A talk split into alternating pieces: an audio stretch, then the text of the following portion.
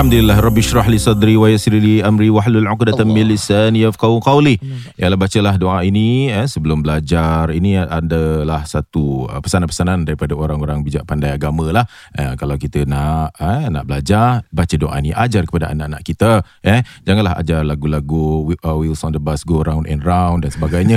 Kita utamakan eh doa-doa untuk anak-anak lah ya. Kita praktiskan juga sama-sama eh bila dah habis solat, baca doa-doa macam gini dengan anak-anak kita. Semoga kita menjadi keluarga yang harmoni. Okay, baik. Uh, kita akan bersama dengan Ustaz Muhammad Nuzan sebentar saja nanti dengan menjawab soalan-soalan yang bakal diketengahkan oleh pendengar-pendengar kita. Dan uh, podcast ini dibawakan khas untuk anda oleh produk-produk NJU. Kita ada sabun sertu, kita ada uh, sabun uh, oh sembelih Nazif, juga eh? Nazif, Nazif. dan juga Aqiqah. Ya. bagi mereka yang ingin menjalankan akikah yang baru melahirkan anak lelaki maupun anak wanita, kita juga ada khidmat seperti uh, itu akikah si, uh, anda boleh persilakan ke website kami nju.sg garis miring shop. And now it's on to the show.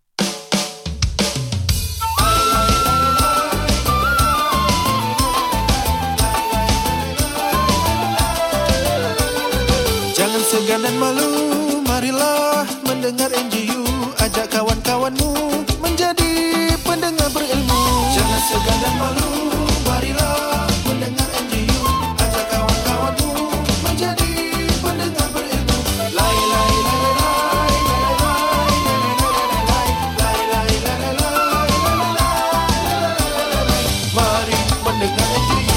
Selamat kembali dalam ruangan NJU. Hmm. Saya baca beberapa komen yang telah pun dimuat naikkan lah. Silakan. Daripada Muhammad Rafi hmm. mengatakan saya ada soalan. Hmm. Boleh tak Ustaz explain perlu ke kita buat majlis bersanding atau makan majlis makan-makan atau kenduri lepas kita nikah?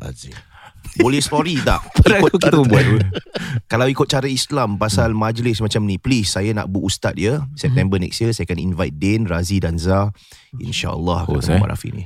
Baik. Wow. Tahniah Muhammad Rafi. Ya. Moga-moga dipermudahkan urusan tersebut. InsyaAllah. Package RM4,000. Ah, di sini ada dua perkara. Majlis sanding dengan majlis makan-makan. Ya. Makan-makan kenduri itu sunnah. Itu dipanggil walimah. Walimatul urus. Oh. Walimatul urus Nabi SAW bila melihat Sallallahu alaihi wasallam. ada sahabat yang Allah ada kemampuan. Ah, ada kemampuan seperti Abdul Rahman bin Auf. Abdul Rahman bin Auf ni Kaya. eh? orang kaya Mekah, orang kaya Madinah. Hmm. Dia dekat Mekah dia jadi kaya, dia tinggalkan semua harta dia pergi Madinah, tak ada apa-apa, tak ada modal, tak ada apa-apa pun boleh jadi kaya. Tu memang talented businessman.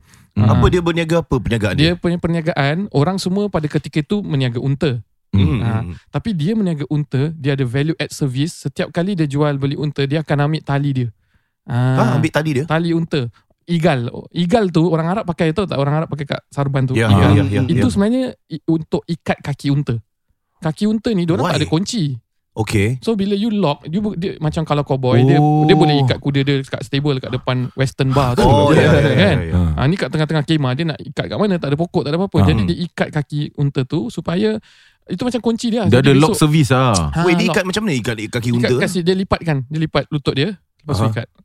Oh, jadi dia- dia dah Jadi kira dia dah- relax lah. Dia tak dia tak boleh jalan, dia boleh berdiri tapi dia just lepak ah situ untuk tidur, I untuk minum-minum. Ah. Oh, that itulah Itu yang buat ikan. kepala dia tu. Ah, itulah akhirnya adat orang Arab dia taruh kat kepala dia dan jadi bagi apa pakaian tradisional mereka lah sekarang ikat. Oh. I see. Jadi bila Dia ada macam extra service lah. Dia Yes. macam oh itu dia jual unta dia jual unta termasuk dengan dia kunci. tak dia tak am, orang semua jual beli unta Ah. memang adat pada ketika itu Ah. dengan igal tu sendiri. Hmm. Oh. Tapi Abdul Rahman bin Auf radhiyallahu an dia ambil igal tu lah. Pasal aku jual kau unta apa.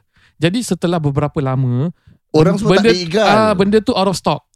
oh. Ah, jadi dia pegang stok tersebut. What? Ah, antaranya dia pegang stok igal tu lah. Jadi dia tak perlu ada modal lebih untuk beli igal tu dan sebagainya. Jadi Hmm. orang-orang semua ada unta tapi tak igal ada dia tak ada. igal. Ah, bila bila jual Tapi bila dia jual igal unta, sekali ah, lah. Dia jual igal dia. Jadi dia jadi uh, merchant of igal dengan unta. Tu antara cara dia Wow. berdagang. Oi. Ha, dia kira kreatif lah. Hmm. Pada ketika tu orang tak perkenalkan Kira macam zaman tu, kira Ah, dia zaman dah tu dominate ah, lah. Orang semua jual beli unta, jual beli Satu tapi dia- igal berapa eh? value add. Ah, mungkin pada masa tu tak pasti ha. Ya, Mungkin agak- 20 Tapi ketul lah Tapi dia go by mass Tengok ah kalau lu Ah, mau yelah, lokal ke yelah. mau original. Ah tengok Ah, ah, oh, igal mana. lokal lah. Dia jual igal lokal. Igal lokal lah Hmm. Ah. Baik, jadi eh, Sayyidina Abdul Rahman bin Auf ni Hmm. kaya. Hmm. Jadi Nabi sebutkan bila Nabi tahu dia baru berumah tangga, Nabi kata, "Aulim walau bisyah." Buatlah walimah, kasihlah orang makan, Hmm. jamu mereka walaupun seekor kambing yang kau sembelih. Right. Jadi kalau ada kemampuan lebih pun tak apa kerana kita nak orang makan. Bila orang makan ni dia dia doakan barakallahu lakum wa alaikum wa jama'a bainakum fi khair. Hmm. Ataupun dia tak doakan, kau kasih orang makan aja Allah dah kasih keberkatan. Ha, macam kita, uh, ada orang kadang-kadang cakap, Ustaz, uh, dia dah buat kenduri ya, Ustaz, doakan, doakan. Boleh juga. Tapi kalau you tak doa pun, you kasih orang makan, itu sudah mendapat apa orang kata doa-doa orang yang Hmm. makan tersebut. Walaupun dia tak angkat tangan dia kata ya Allah at'iman at'amana waskiman sakana ya Allah beri kecukupan kepada mereka yang beri aku kecukupan. Walaupun dia tak doa ya Allah murahkan rezeki Hmm. fulan ni lah. Hmm. Macam kita sedekah, kita sedekah kat Oh, orang dah automatic eh. automatik pahala dan automatik kabul ni hajat-hajat kita Dia bagi permudahkan urusan. orang Ustaz. eh. Ah, bahagikan orang. Dan kalau kita sakit pun sedekah, kasih orang makan. Hmm. Ah, jadi walaupun tak sebut ishfi mardana, Hmm. ah, niat kita pun dah boleh jadi. Baik. So itu memang sunnah. Hmm. kasih makan. Kasih makan eh. Ada pun sanding. Hmm. Ah, sanding dia lebih kepada bukan adat orang Melayu asalnya, Hmm. tetapi diserap kepada adat ini kerana tiada halangan eh, Hmm. ah, daripada segi agama. Ah, dan yang terkait dengan segi agama Right. adalah mengiklankan. So bila you buat walimah, you iklankan juga kan ah ni suami isteri kahwin. Hmm. Jadi bila dia ada bersandingan, secara tak langsung orang tahu ini suami, ni isteri dia. Hmm. Ah oh ni dia isteri ni, ah, Hmm. dia kenalkan lagi. Jadi ah ni mereka dah berumah tangga kan. Ah, Hmm. Itu mungkin adat-adat yang ada lah. Ya. Ah, jadi adat ini harus uh, mengikut syarak lah. Bila mana syarak mengata adat memakai. Ah, itu dia punya kaedah. Ah, Oh. Kalau dia berikut syarak. Okey, Okey. itu soalan dan jawapan. Alright, baik kita teruskan dengan soalan-soalan daripada pendengar kita menerusi panggilan eh. Hmm. Mungkin daripada Singapura ataupun dari luar negara. Silakan saja. Assalamualaikum. Siapa namanya? Kita boleh teruskan dengan Kaishi sekali, sekali lagi. Kaishi. Kai. Macam mana dah okey? Waalaikumsalam. Kai dekatkan sikit suaranya dengan um, gagang telefon ya.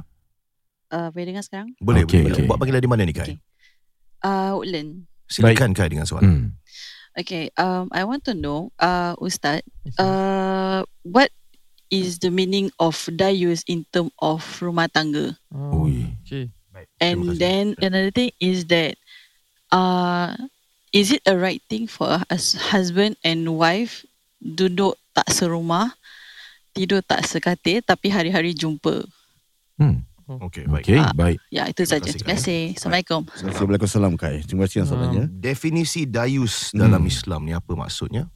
Dan Ah. salah ataupun tidak kalau isteri dan suami tidak Bersama. bersama Hmm. dalam kesempatan mereka boleh bersama eh. Tapi Saya masih jumpa lah.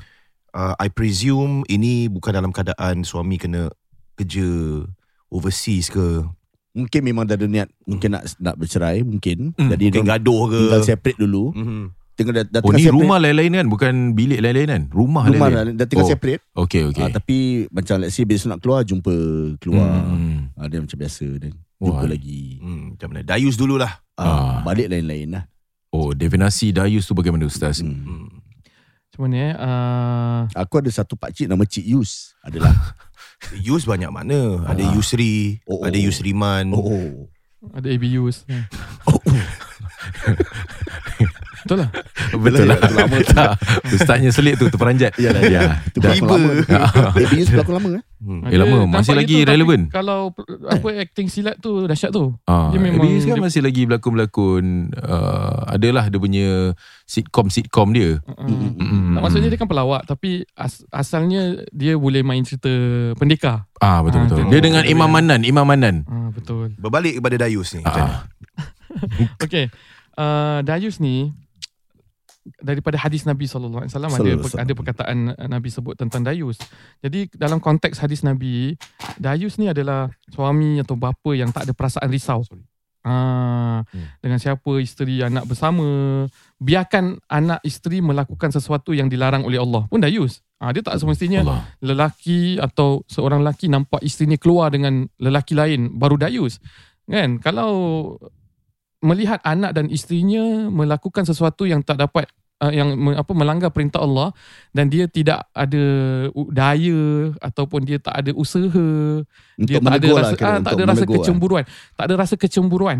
Ah faham? Dia dayus ni lebih kepada ghirah dalam hati. Tak ada dia tak ada tak ada rasa kecemburuan pun. Cemburu tu bukan jealousy yang macam oh aku kalau dia ni dapat A aku nak kena dapat B. Tapi ghirah tu daripada perkataan gairah Hmm. Ha, nampak? Hmm. Dia tak ada apa-apa emosi pun bila perkara-perkara seperti itu berlaku. Tak ada rasa marah. Hmm. It doesn't apa strike his emotion Hmm. to be apa marah ke sesuatu perintah Allah di, di, dilarang sedangkan orang-orang tersebut di dalam dia punya pertanggungjawapan. Hmm. Itu secara tak langsung definisi dayus. Hmm. Ha, orang tu orang yang dayus eh. Okay. Jadi dia cakap tadi kalau seorang suami dengan isteri tidur tak di rumah yang tu sama. soalan yang kedua ya. Ah, Ya, tak rumah sama. Ya. Hmm. Um, Contoh memang dah ada niat nak separate saya rasa. Ah. Dan after that dah tinggal sep- ah, lain-lain. tapi dia orang jumpa apa? Alah, tapi Hmm, tapi hari jumpa. Mungkin after one or two days mungkin gaduh dah tinggal lain-lain. After one or two days habis jumpa, Jumpa. balik keluar. I see. hmm, Tapi balik masih separate lagi. Hmm, hmm, hmm. Ah macam mana ni ustaz? Jadi adakah apa apa soalan dia haram ke tidak? Ah, Eh, boleh tak, kalau boleh tak. kalau by consensus tak ada masalah lah. Kalau sama-sama sama-sama rasa tak nak memang dia pun setuju, suami pun setuju, isteri pun setuju. Tapi kalau salah satu cakap mana hak aku sebagai suami ke sebagai isteri untuk ada perhatian, untuk ada kasih sayang, Hmm. untuk ada belayan, untuk ada jima dan sebagainya, Hmm. maka itu dah salah lah. Oh. Tapi kalau sama-sama rela digugurkan hak mereka masing-masing atas sebab memang mereka tak nak tinggal sama-sama Hmm. ataupun take a break for some time kan Right. untuk just recon, apa reconcile again ataupun memang dalam proses penceraian. Cuma dalam proses penceraian kita kat Singapura ni proses penceraian dia masih dalam keadaan suami isteri lagi walaupun dah jatuh talak belum lagi disabitkan oleh mahkamah Oh. lepas tu rumah pula harta sepencarian Ya, ya. rumah harta sepencarian nama dia ada nama ni ada kalau Hmm. you berpisah pun ini rumah you juga Betul. kan kalau Ada you masih hak boleh ah, tinggal juga. kalau you dah disabitkan cerai pun kalau Hmm. dia talak satu talak dua masih suami isteri masih boleh rujuk Right. jadi memang kena tinggal situ pun Hmm. ha, itu kalau yang dah bercerai lah tapi Hmm. kalau yang nak hampir-hampir cerai saya nasihatkan kalau boleh uh, bila tinggal sama-sama tu itu sebenarnya masa untuk kita dapat Reconcile. berpeluang untuk reconcile bila kita dah jauh dah terlalu jauh makin makin pudar lah uh, I can live without you kan dah dah biasa dah biasa biasa biasa uh, tidak digalakkan seperti itulah melainkan kalau dah berpisah dah habis iddah dan sebagainya Hmm. Ustaz saya tanya satu soalan ni tentang macam contoh suami isteri ni uh, dalam proses bercerai. hmm. Tetapi si isteri dah mula keluar dengan lelaki lain. oh astagfirullahalazim Dah keluar, dah keluar, keluar. Dah jumpa family sebelah sana semua. Eh? hmm. Dah okey. Jadi yang si suami ni kira macam mana ni? Dia dayus atau tidak Ustaz? uh, kalau dia sudah melarang itu tak dayus Oh. Kalau dia memang melarang kan dia tak membenarkan, dia tak boleh okey. Dia tak boleh okay I'm going to we are going to a divorce punya process. So Hmm. I don't mind lah it's just a ma- a matter of formality of of of ceraikan kau so you Hmm. can carry on with your life. I think it's dayus because you are dia masih dalam pertanggungjawapan masing-masing. I see. Ah walaupun dah tak ada perasaan, tak ada apa-apa, dia bukan buat perasaan aja, dia buat tanggungjawab. Kan? Kita uh, aku tak ada perasaan nak kerja besok, tak ada mood lah, tak ada feel. Hmm. No, that's tanggungjawab kamu cari nafkah. Sama Yeah, juga kan. yeah. It is uh, orang kata responsibility. Jadi kalau soalan Razi tadi, Hmm. kalau memang dah memang nak proses cerai, ke, memang dah nak proses belum lagi bercerai, Tengah kemudian buat proses macam lah, tu, tengah proses documentation dia semua. lah. perlu tetap apa melarang dan Tetap- isteri tetap berdosa ke suami sama jugalah eh tetap salah dan berdosa. Contoh kalau dia melarang tapi isteri masih keluar juga tu dah Itu itu dah itu dah di luar Dah daripada di luar. uh, uh, dia dia nak kena larang jugalah. uh, pasal kalau larang lebih-lebih, larang apa-apa sampai boleh jadi abusive pula kan. Hmm, Ah, hmm, jadi hmm, hmm. pokoknya ada tindakan, ada Hmm. usaha. Uh, dan tapi kalau itu ada perasaan, kalau dah tak ada perasaan pun tetap tak boleh. Pasal Bang kau dia belum lagi bercerai. cerai. I see. Ya. Okey baik. Okey. Ah ni ada soalan uh, sebab tempoh hari ustaz ada katakan tentang air liur itu najis kecil. Hmm. Okey. Saya ada uh, baby 3 bulan Mm-mm. dan selalu uh, ada air liur lah. Yalah biasalah budak-budak ni kan air liur tu keluar kan. Mm-mm. Jadi perlu kak uh, perlu tak saya tukar baju sebelum Oh. solat. Uh, jadi maksudnya dia tengah nak solat Kali nak pula eh Mm-mm. Air liur meleleh dekat bahu ayah dia Mm-mm. Macam mana Ustaz? Saya kemarin kalau kita teliti ataupun boleh rujuk balik episod tersebut, saya sebutkan dia najis tapi dimaafkan. Ya. Hmm. Ingat tak? Ya. Jadi kalau maksud dimaafkan tu adalah dia masih tidak dianggap sebagai sesuatu yang akan merosakkan ibadah kita. Ah tetapi saya juga sebutkan kalau dia datang daripada perut kan itulah najis yang memang jelas-jelas. Baik. Kalau dia memang daripada mulut saja dia bukan najis yang jelas. Yang melekit-melekit tu lah Itu dah kotor tu Hmm. Hmm. Ada satu soal ya, Korang ah, Ada ramai orang tanya Pasal 377A ni Kita tengok macam mana lah Nanti kalau saya dah kupas Nanti korang tak boleh angkat Hmm. Ah, Jadi saya akan teruskan Dengan mungkin pendengar kita seterusnya Hmm. Iaitu Amy Silakan Amy Ya, Amy. Assalamualaikum Amy Assalamualaikum Amy. Hmm. Hello. Hello. Ah. Baik. Ya, Amy. Buat panggilan di mana ni Amy? Salam. Salam. Oh, Waalaikumsalam Hello? Amy? Ah, hello, hello. Ya. Amy, ya boleh boleh. Buat boleh, daripada mana ni Amy? Ya, uh, uh, saya ada soalan simple je. Ah, silakan, Ah, silakan. Apa uh, amalan yang bagus untuk Eh, mak lagging eh? Tak, tak, tak, tak, tak. Okey, okey. Ya, Ah, cakap ah, je. Ada soalan simple. Ah, apa ni? Ah, Ya, nak cakap ni. Ah, apa amalan-amalan yang bagus untuk diamalkan semasa mengandung? Ah, Okey. Baik, terima kasih. Satu ham... Se, ah, ya. Baik, Ah, terima kasih. insyaAllah. Amalan-amalan yang boleh dilakukan ketika bagus. mengandung. Bagus. Uh-huh. Jadi tadi saya sebut satu ayat tadi sebenarnya. Kalau kita perhatikan first episode, satu ayat tu saya sebut tentang amalan daripada ibu Sayyidatina Maryam. Daripada Hannah, dari surah Ali Imran. Sayyidatina Hannah, bila dapat tahu dia mengandung, dia kata, Rabbi inni nazartu laka ma fi batni muharraran fataqabbal minni. Ya Allah, aku nazarkan di dalam perut aku sesuatu anak ini untuk dia menjadi ahli ibadah di Naam. tempat ibadahmu. Ibadah. ya. Jadi maknanya di sini amalan dia apa? Amalan dia selalu ada satu sangkaan yang baik. Hmm. Selalu ada cita-cita yang baik. Hmm. Dan untuk ada sangkaan, cita-cita yang baik untuk anak ni perlu dapat sokongan daripada keluarga, Hmm. suami, isteri. Bila badan kita orang perempuan khususnya berubah, first trimester, second trimester, baring tak boleh baring macam biasa, kemudian muntah-muntah, itu pasti akan menjejas hormon dan juga menjejas emosi kita. Right. Jadi para suami beri sokongan, ibu ayah dan dia pun makan makanan yang baik. Jadi walaupun nampak ini sebagai perkara-perkara praktikal, tapi sebenarnya agama menitik beratkan. Buktinya apa? Agama suruh kita bernazar dengan benda-benda yang baik. Contohlah, dia bukan suruh, dia contoh-contoh nazar dengan dengan benda-benda yang baik. Jadi macam mana nak nazar dengan benda baik kalau mood tak baik, kalau asyik gaduh, kalau tak orang tak faham, tak eh, pressure. Jadi secara tak langsung uh, satu benda adalah dari sudut amalan selalu ada niat-niat yang baik untuk anak yang ada dalam kandungan itu dari segi medis pun sangat memberi kesan kepada seorang bayi. Hmm. Kedua, yang orang selalu jawab lah amalan-amalan kan Hmm. daripada sudut ritual Hmm. atau bacaan-bacaan. Ya.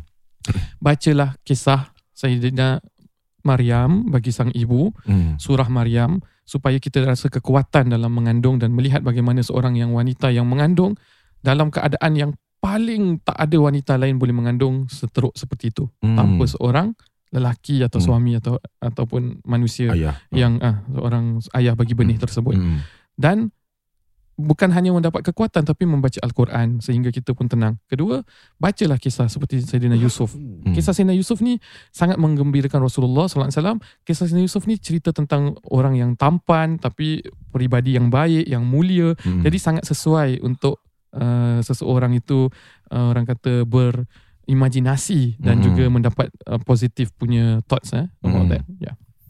Okey, boleh. Terima kasih Ustaz dengan pandangan Ustaz. Ini bukan pandangan eh. Ini kira fact lah. Ya. Ya. Yalah. Mana ada pandangan? Hmm. Suka ke? Ini Ustaz belajar kat Azhar. Ya. ya. Apa kasih pandangan ke? Hmm. Pandangan aku boleh boleh kasih.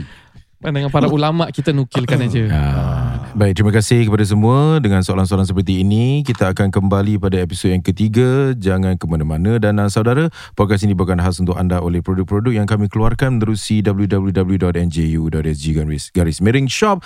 Sekian saja. Wabillahi taufiq wal hidayah. Wassalamualaikum warahmatullahi wabarakatuh. Waalaikumsalam.